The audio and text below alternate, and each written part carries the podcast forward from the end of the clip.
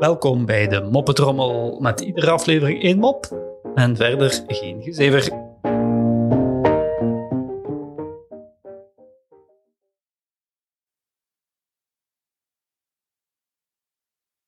Stapt de man een café binnen. Hij gaat snel op een kruk zitten en bestelt zeven whiskies. De barman kijkt met grote ogen hoe de man één vreemde glazen achterover kapt. Ze zijn al bijna op voor ze uitgeschonken zijn. Hmm, denkt hij. Nieuwsgierig vraagt de man. "Ehm, hoe komt het dat je de nood voelt om zo snel te drinken? Tja, zegt de man. Jij zou hetzelfde doen als je had wat ik heb. "Ehm, oei, zegt de barman. "Eh, wat heb je dan? 1 euro, zegt de man.